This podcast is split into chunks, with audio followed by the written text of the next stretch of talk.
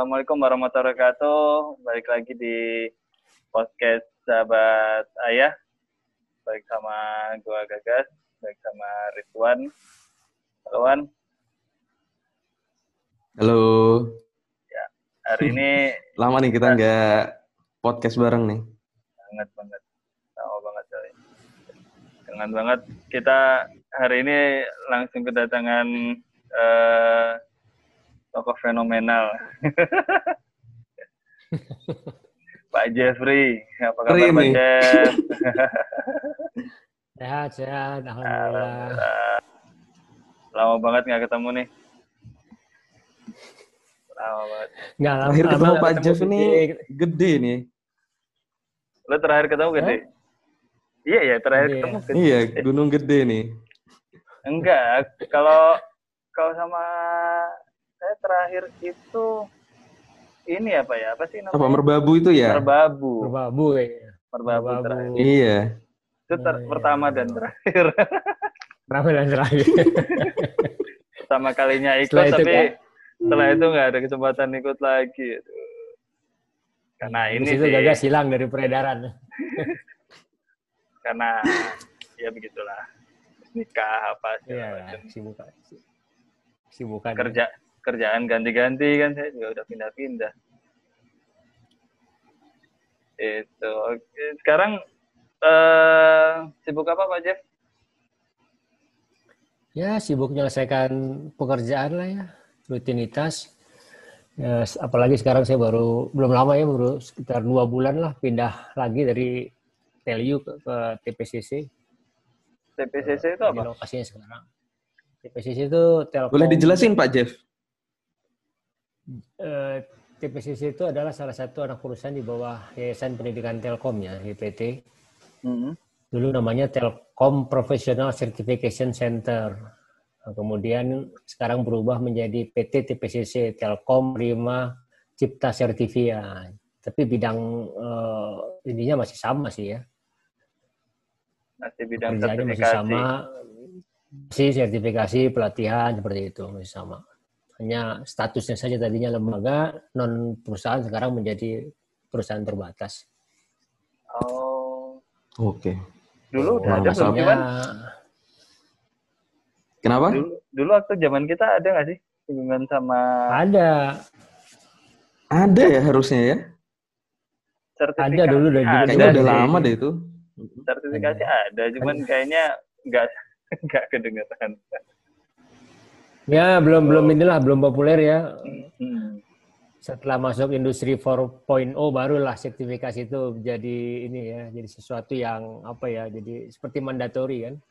Iya kalau dulu. Iya, Tapi saya kemarin lihat kuliah, zaman kuliah itu sertifikasi jadi apa SKS tambahan kalau nggak salah semester semester akhir lah itu iya. baru ada. Benar-benar. Tapi kemarin lihat berita Pak Jeff ini jadi salah satu pimpinan di Telyu ini. Wah. Seru ya Pak Jeff ya? iya. Itu pengalaman pertama atau gimana Pak Jeff? Boleh diceritain? Pengalaman di Telyu?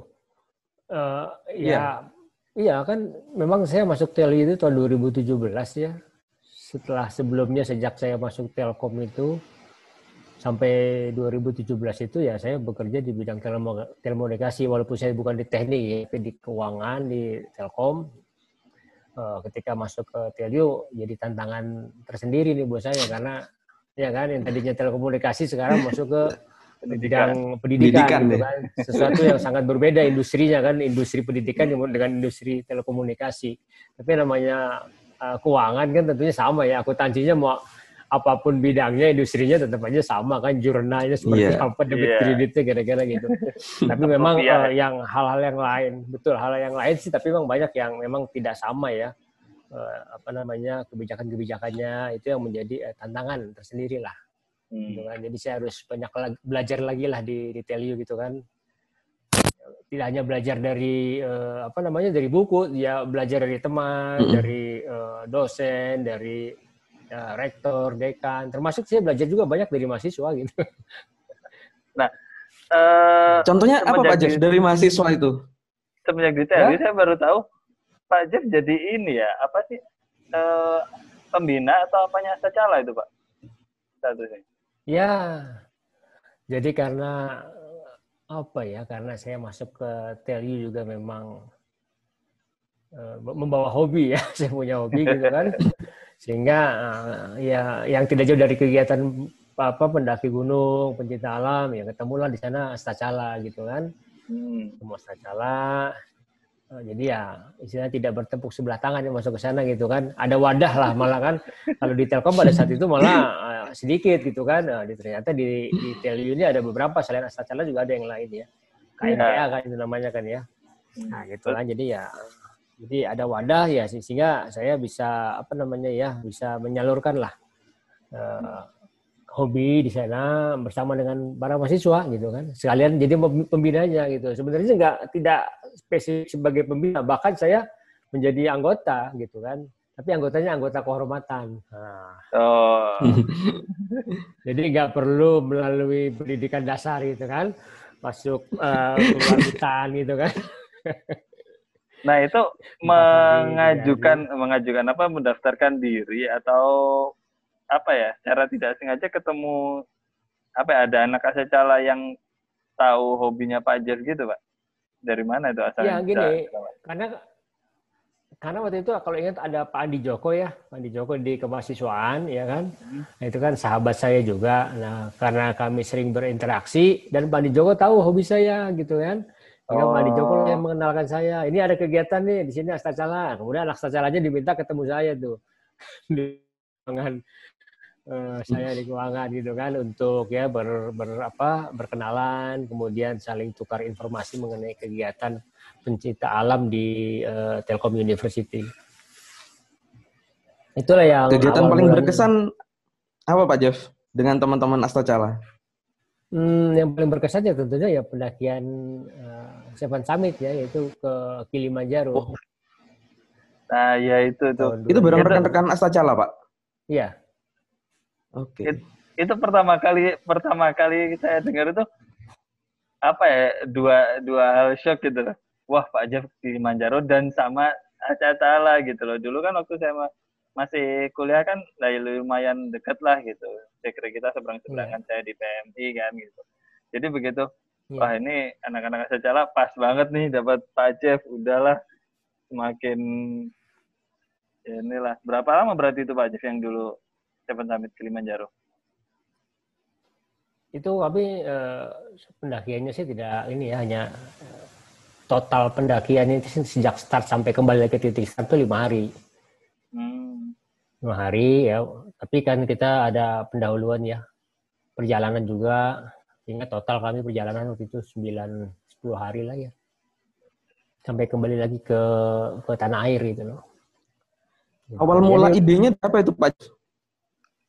idenya ya memang saya yang memberikan uh, apa namanya mengajak anak-anak itu kan teman-teman gitu kan karena saya melihat belum ada satupun prestasi yang ditorehkan oleh uh, uh, Asacala gitu kan di di apa namanya di pendakian gunung terutama uh, Seven Summit.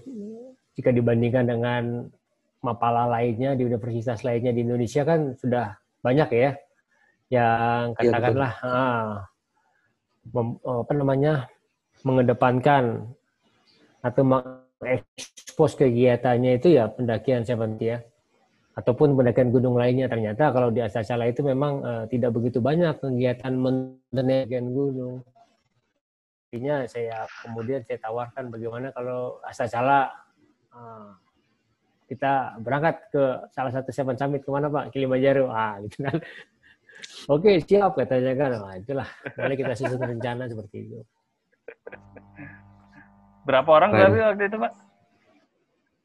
Tiga orang. Oh, tiga orang aja. Sebenarnya sih maunya uh, banyak itu yang pengen ikut. Empat. Empat. Iya, banyak. Itu kan ada seleksi gitu kan. Seleksi, dipilih atletnya gitu kan. Ada tesnya, tes kebugaran fisik gitu kan. Kesiapan hmm. mentalnya semua dites gitu kan yang yang yang ini lulus dua gitu kan sebenarnya ada lagi sih cuma ya terus terang juga kebatasan keterbatasan uh, apa anggaran dana juga menjadi salah satu penghambat sehingga yeah. yang berangkat itu tidak bisa banyak ke sana gitu kan Nah, itu memang salah satu kendala kalau kita mau sepot camit ya itu lah. Iya. Karena kebayang sih perjalanan sejauh itu kan. Tapi di di ya. Tell You ada yang ke sana lagi loh Pak, teman saya. Anak 2009 anak 2009 si Furki Pak. Pak Jeff kenal nggak ya?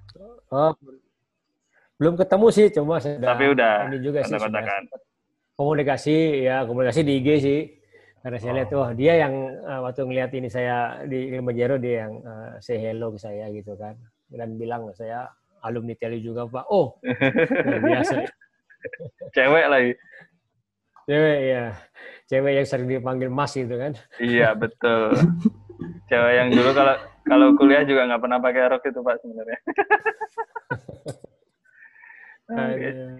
Dari kapan Pak ini? Misal uh, kita mau ngebahas tentang ini ya, lebih ke pengalaman Pak Jeff lah untuk naik gunung. Karena bisa dibilang apa ya dari saya ataupun Rituan itu kita juga sama-sama suka naik gunung sama-sama suka lari.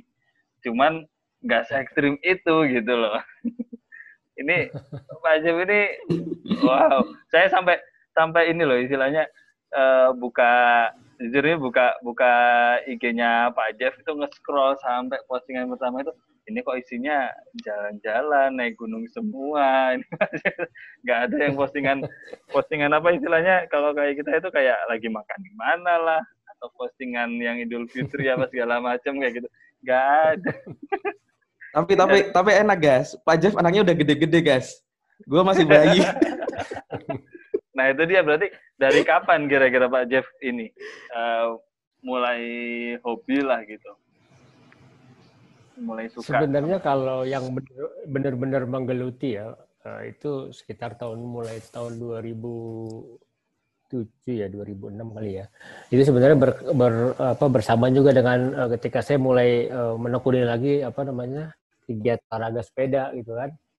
Hmm. Karena mountain bike ya suka main belusukan juga ke perbukitan di Bandung, di mana di Bandung Utara uh, masuk uh, belusukan apa namanya off road gitu kan ke dalam hutan pinus gitu kan perbukitan sana di Bandung Utara sehingga terpikir wah ini kayaknya harus Eh, di, di apa namanya di eksplorasinya ini nggak cukup dengan sepeda nih saya bilang nih. Harus dengan uh, apa namanya hiking gitu kan.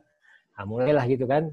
Hiking juga tapi juga masih di dalam seputaran Bandung aja gitu. Nah setelah itu hmm. barulah uh, mulai ke gunung-gunung yang lain gitu kan.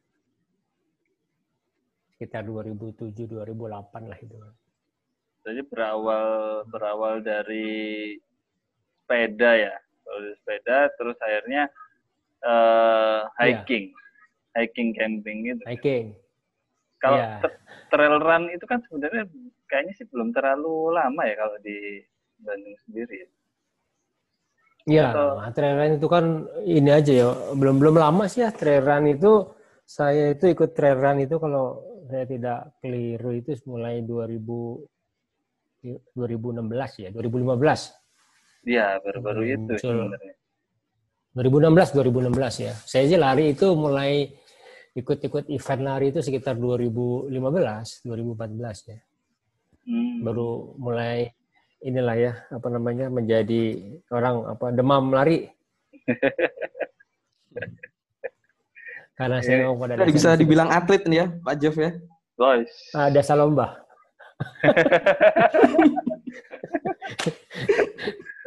ya karena memang saya pada pada pada dasarnya memang uh, memiliki banyak uh, hobi ya di bidang olahraga ya. Dan hmm. boleh dikatakan hampir semua bisa. Makanya tadi saya bilang ada lomba gitu kan saya ikut karate, pencak silat, bisa main sepak bola, futsal, badminton, tenis meja.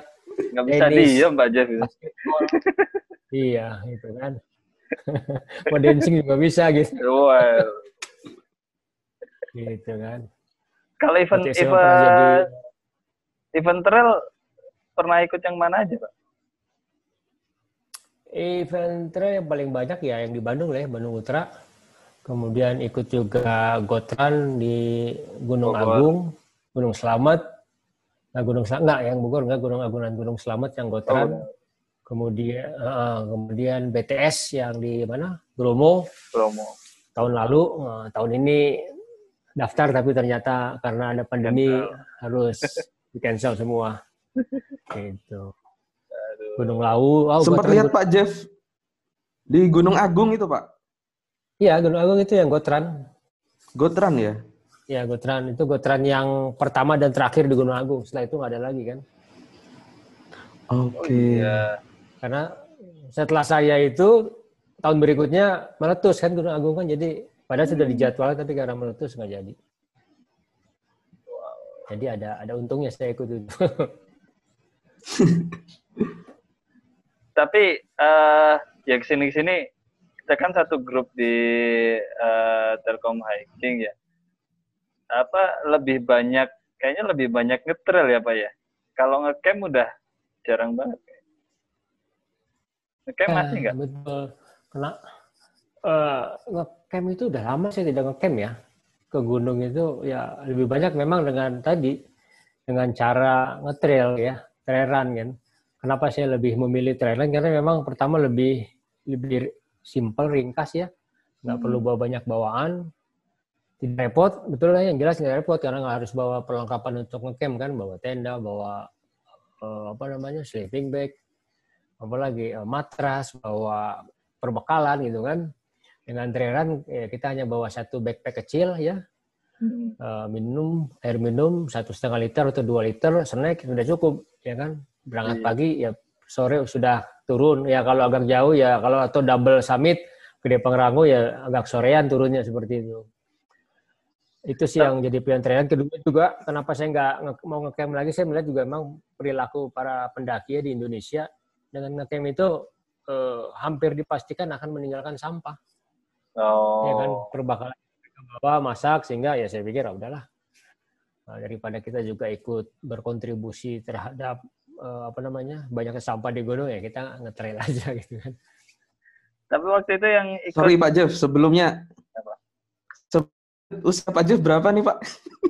Wah, saya itu sebenarnya masih kira-kira berapa lah coba? Kalau bisa jawab nanti dikasih hadiah. Uh, berapa? hmm.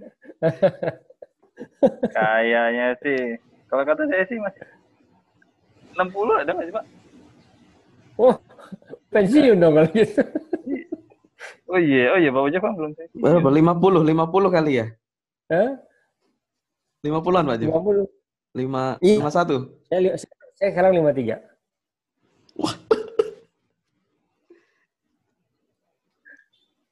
Ada yang lebih senior dari Pak Jeff nggak Pak? Di, di mana? Hobi, uh, lari nih, trail terutama. Yang di apa? Yang di kantor di Telkom? Kalau yang, uh, di, yang pernah ketemu aja. Kalau yang di Telkom ini, Jeff. oh kalau yang barang suka barang ada, yang lima lima lima enam teman-teman yang orang Bandung ada. Wow. Gitu. Tapi kalau yang di Telkom rasa-rasanya yang trail itu saya udah paling inilah, paling senior. Senior. Enak kalau ikut event ini minim persaingannya di atas 40. Masuk kelas iya. master. itu kelas master itu ya. Tapi ya, ternyata di Bandung itu banyak sekali ikut kelas master. Yang memang mereka pada dasarnya dulu adalah pelari kan atlet yeah. atlet gitu kan sekarang ikutnya ya sudah itu tapi uh, perasaan terakhir ikut naik gunung bareng Pak Jeff itu yang waktu ke mana Merbabu waktu Merbabu nah waktu Merbabu itu itu yeah. itu apa ya nggak bawa apa-apa itu naik gunung paling paling fancy buat saya Karena kayak bawa oke okay, bawa apa? Bawa tenda enggak, bawa pelat makan enggak hmm. gitu. Wah, ternyata campingnya Kalau sama Pak Jen tuh terjamin cuy. Begini. oh iya, kalau kalau kita rombongan ya pokoknya bawa perlengkapan Porter. pribadi aja kan. Porternya udah disiapkan, tenda udah disiapkan gitu kan. Empat sekali naik gunungnya. Seperti gede ke gunung gede ya. Hmm. Kalau di THC Pak Jeff itu sejarahnya Pak Jeff juga apa yang inisiasi? Ya di oh. Telkom Hiking Community memang uh, saya juga artinya menginisiasi untuk membuat komunitas di Telkom yang uh, menjadi wadah lah bagi teman-teman yang suka hiking, suka camping, suka berpetualang gitu. Ya, Alhamdulillah ya su sudah menjadi satu komunitas yang akui di Telkom. Oke. Okay. Nah selama ini Pak, selama uh, naik gunung, camping, trail atau apa pun lah yang berkaitan dengan alam, terutama gunung lah, terutama gunung, uh, yang paling apa ya, paling memorable lah, yang paling memorable yang kira-kira Pak Jeff ada kejadian unik atau pengen ke sana lagi, gimana? Di mana Pak? Waduh. Banyak ya. Ya kejadian unik ya. Sebenarnya yang paling berkesan itu, ah, saya sih semuanya hampir semua gunung yang berkesan ya. Hampir semua, karena ya apalagi gunung yang baru pertama kali saya datangi tentu kan membawa, membawa kesan yang ini ya. Seperti Batu Kekerinci berkesan, karena waktu itu perginya bareng sama uh, teman-teman. Di situ ada Medina Kamil juga. Kan ini berkesan kan untuk berkesan sekali orang itu. kan wah ini artis itu kan sama selebriti gitu kan selebriti kemudian ketika ke mana? Ke eh, Kartens juga itu juga sangat sangat berkesan ya. Kenapa sangat berkesan? Karena kami hanya berlima ke sana. Kemudian juga caranya pun juga eh, sungguh luar biasa untuk bisa sampai ke Kartens itu kan. Tidak saya bisa saya bayangkan sebelumnya gitu kan karena memang apalagi kita tahu untuk dapat sampai ke Kartens itu di Papua uh, tidak mudah ya. Baik dari sisi uh, apa namanya perjalanan sendiri pertama dari perizinan ya. Untuk hmm. pendakian kemudian juga uh, pendakiannya sendiri ya uh, jalur yang harus dilalui kemudian cuaca di sana kondisi di sana seperti itu. Sangat berkesan. Kemudian di Elbrus juga itu juga buat saya sangat berkesan karena waktu saya pergi itu uh, satu hari sebelum berangkat ke Elbrus, nah saya di uh, uh, tipes oleh dokter gitu. Belum tipes parah sih ya, baru gejala tipes. Coba sudah udah lemes gitu kan, udah pusing-pusing, udah mual-mual gitu kan. Tapi ya gimana, harus sudah berangkat besoknya gitu kan. Sudah diminum aja obatnya gitu kan. Walaupun Makanya. harus menderita sepanjang perjalanan di pesawat itu kan nggak bisa makan, tidur juga susah. Sampai di sana. Di perdebatan Pak Jo sama ya? istri ketika mau berangkat. Oh enggak, saya nggak bilang itu. ternyata itu ini, ternyata. Ini cara, ini, ter, ini caranya ternyata. gimana caranya berapa hari tapi nggak bilang? Nah kalau kalau waktu saya tidak bilang gitu karena kan memang apa, apa yang tipes itu saya nggak pernah ceritakan ke siapa siapa ke siapa pun. Oh tipesnya. Ya gitu kan. Tipesnya Wah, berangkat berangkat aja gitu kan. Kalau nanti cerita ungkap di podcast kita ini. Soalnya kalau diceritakan nanti kan akan malah membuat orang jadi khawatir ya. Jadi hmm, ya Bismillah aja berangkat gitu kan. Tapi memang di sana uh, terasa sampai hari pertama, kedua itu akan uh, sangat berpengaruh terhadap fisik saya gitu. Tapi alhamdulillah hari keempat, kelima itu ya tahu itu mungkin dari saya merasakan itu suatu mukjizat gitu kayaknya ya. Masih pikir saya akan tambah di sana malah sembuh. Wah. Sembuh dalam pengertian uh, lebih, lebih membaik lah, getting better lah di sana gitu kan. Sampai-sampai saya berhasil mencapai saat ya puncak Elbrus itu bagi saya suatu pencapaian yang luar biasa. Makanya itu amazing lah buat saya gitu, sangat berkesan lah. Gitu kan. Karena ya itu tadi pada kondisi bisa saya istirahat gitu kan bed rest lah istilahnya ya kalau yeah. udah kena ada energi energi positif di ya. gunung. Benar benar. Tapi itu kalau tiap kali naik gunung gitu apalagi yang ke luar negeri gitu istri ikut, Pak? Ibu. Oh enggak.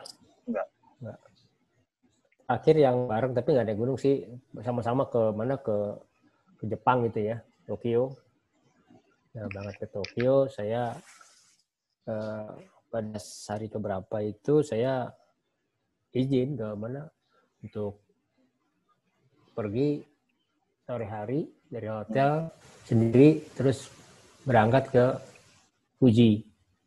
Jadi saya mendaki Fuji malam hari. Itu start uh, hampir jam 10 ya malam.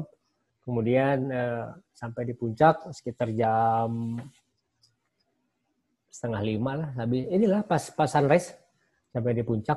Kemudian nggak lama di atas turun lagi ke bawah. Kemudian janjian eh, dengan keluarga lagi ketemu lagi.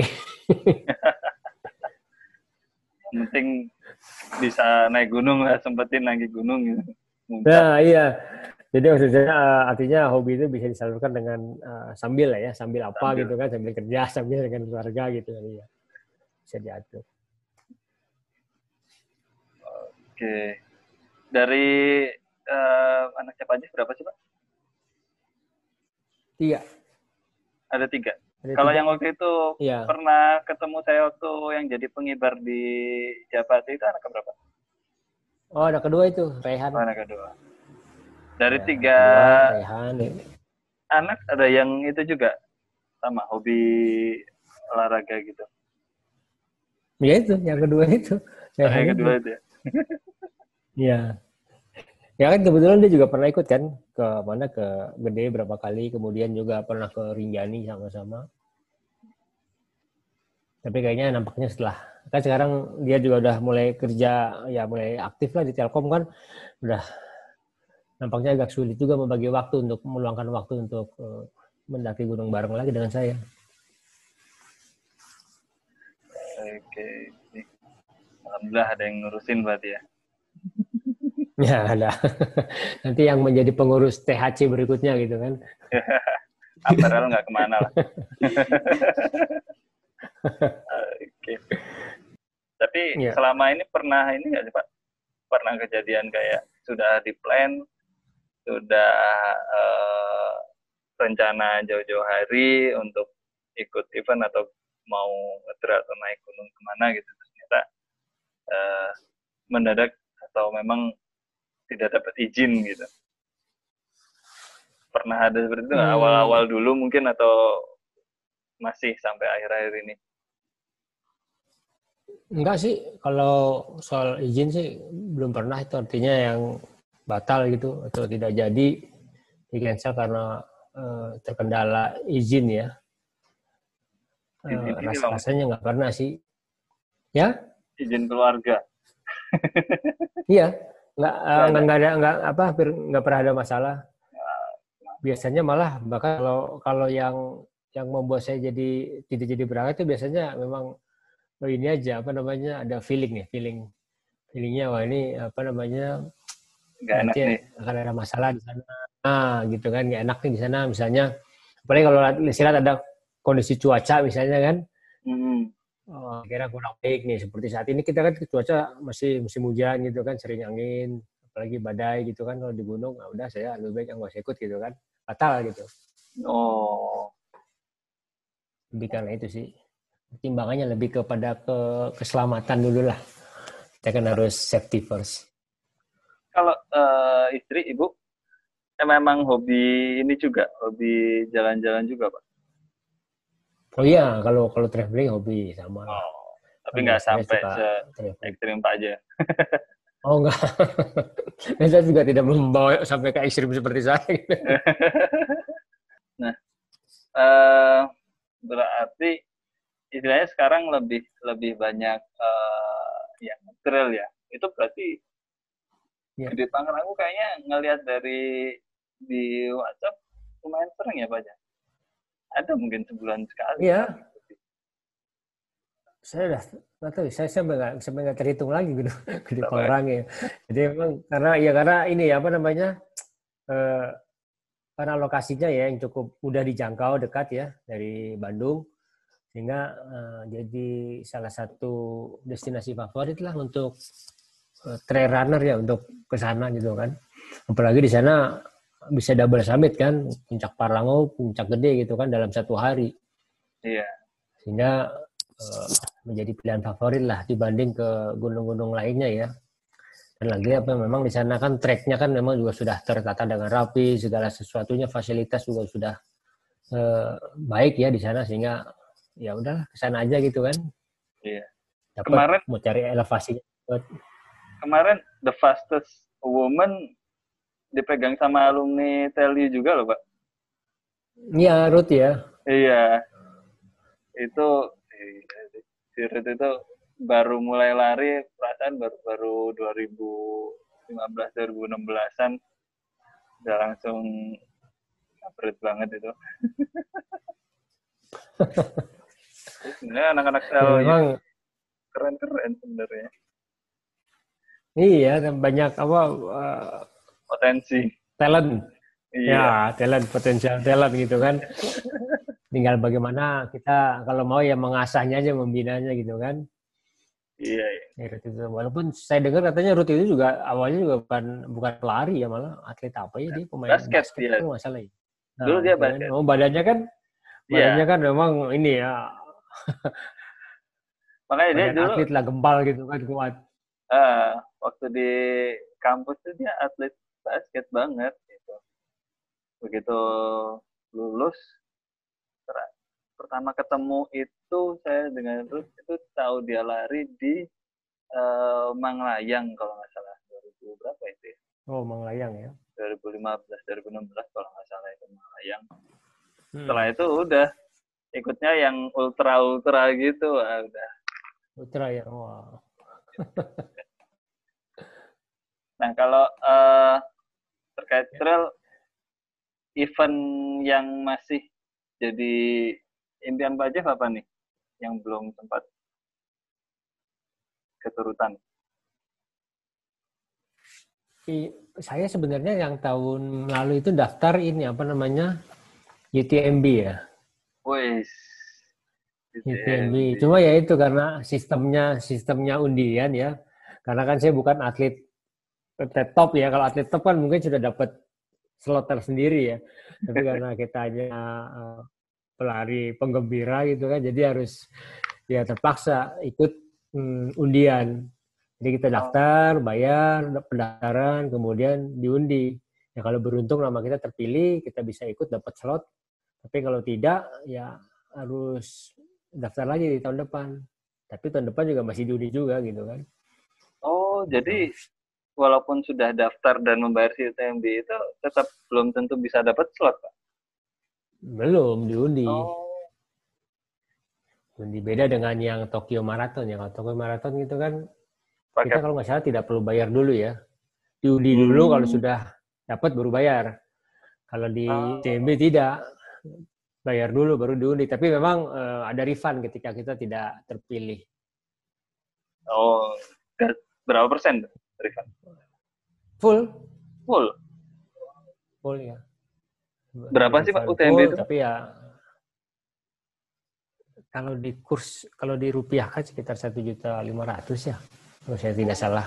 Tidak- Iya sebenarnya nggak terlalu mahal kayaknya ya hitungannya ya.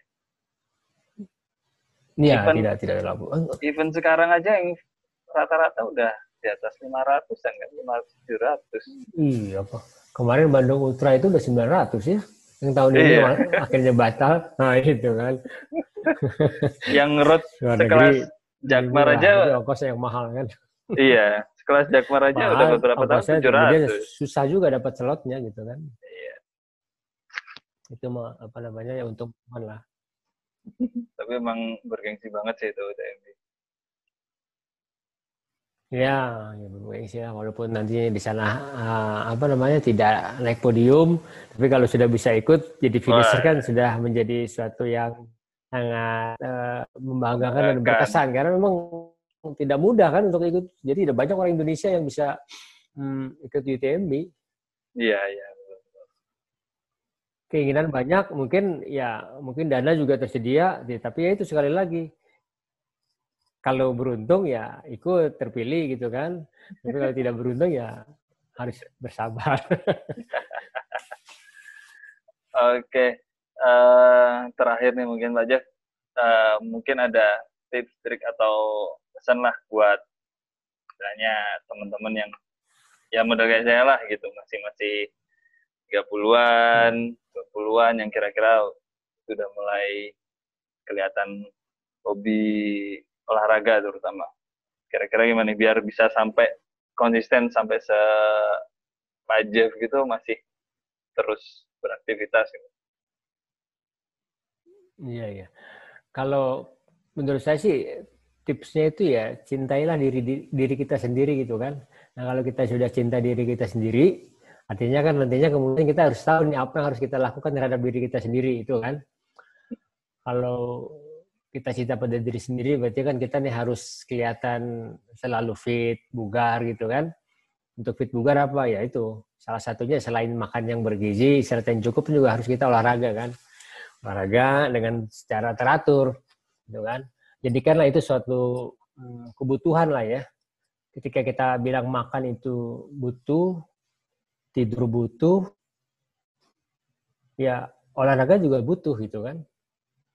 Nah, itu sih kuncinya sama ketika juga ibadah juga jadi harus jadi semua jadi harus jadi kebutuhan gitu kan. Jadi jangan menjadi kewajiban harusnya menjadi kebutuhan. Kalau menjadi kebutuhan itu uh, kita ringan melaksanakannya. Tapi kalau menjadi kewajiban itu kadang-kadang menjadi agak berat, berat ya untuk melaksanakannya kan. Iya. Jadi intinya itu harus kita harus cintai dulu diri kita sendiri gitu. Kemudian kita tahu apa yang harus kita lakukan terhadap diri kita sendiri. Ya setelah itu baru kan secara istiqomah, secara konsisten gitu kan. Tapi itu pada saat melaksanakan kegiatan-kegiatan juga harus mengukur lah, mengukur kondisi tubuh kita, kapasitas kita seperti apa gitu kan. Kalau memang lagi fit, silakan berolahraga dalam waktu yang mungkin kurun waktu agak lama, tapi kalau lagi kurang fit ya cukup yang olahraga ringan saja gitu kan. Aware olahraga sama ini memang alarm-alarm tubuh ya. Nah iya gitu kan. Ya seperti saya sekarang harus istirahat lah gitu karena ada hal yang saya rasakan kurang fit ya harus kita harus ini harus harus bijak lah gitu kan. Yeah. jangan kita paksakan ya kan. Sama lah seperti kendaraan gitu kan. Kalau sudah alarm yang harus diperbaiki ya kita harus servis kan. Nah, tubuh kita pun begitu. Servis dulu. Oke okay.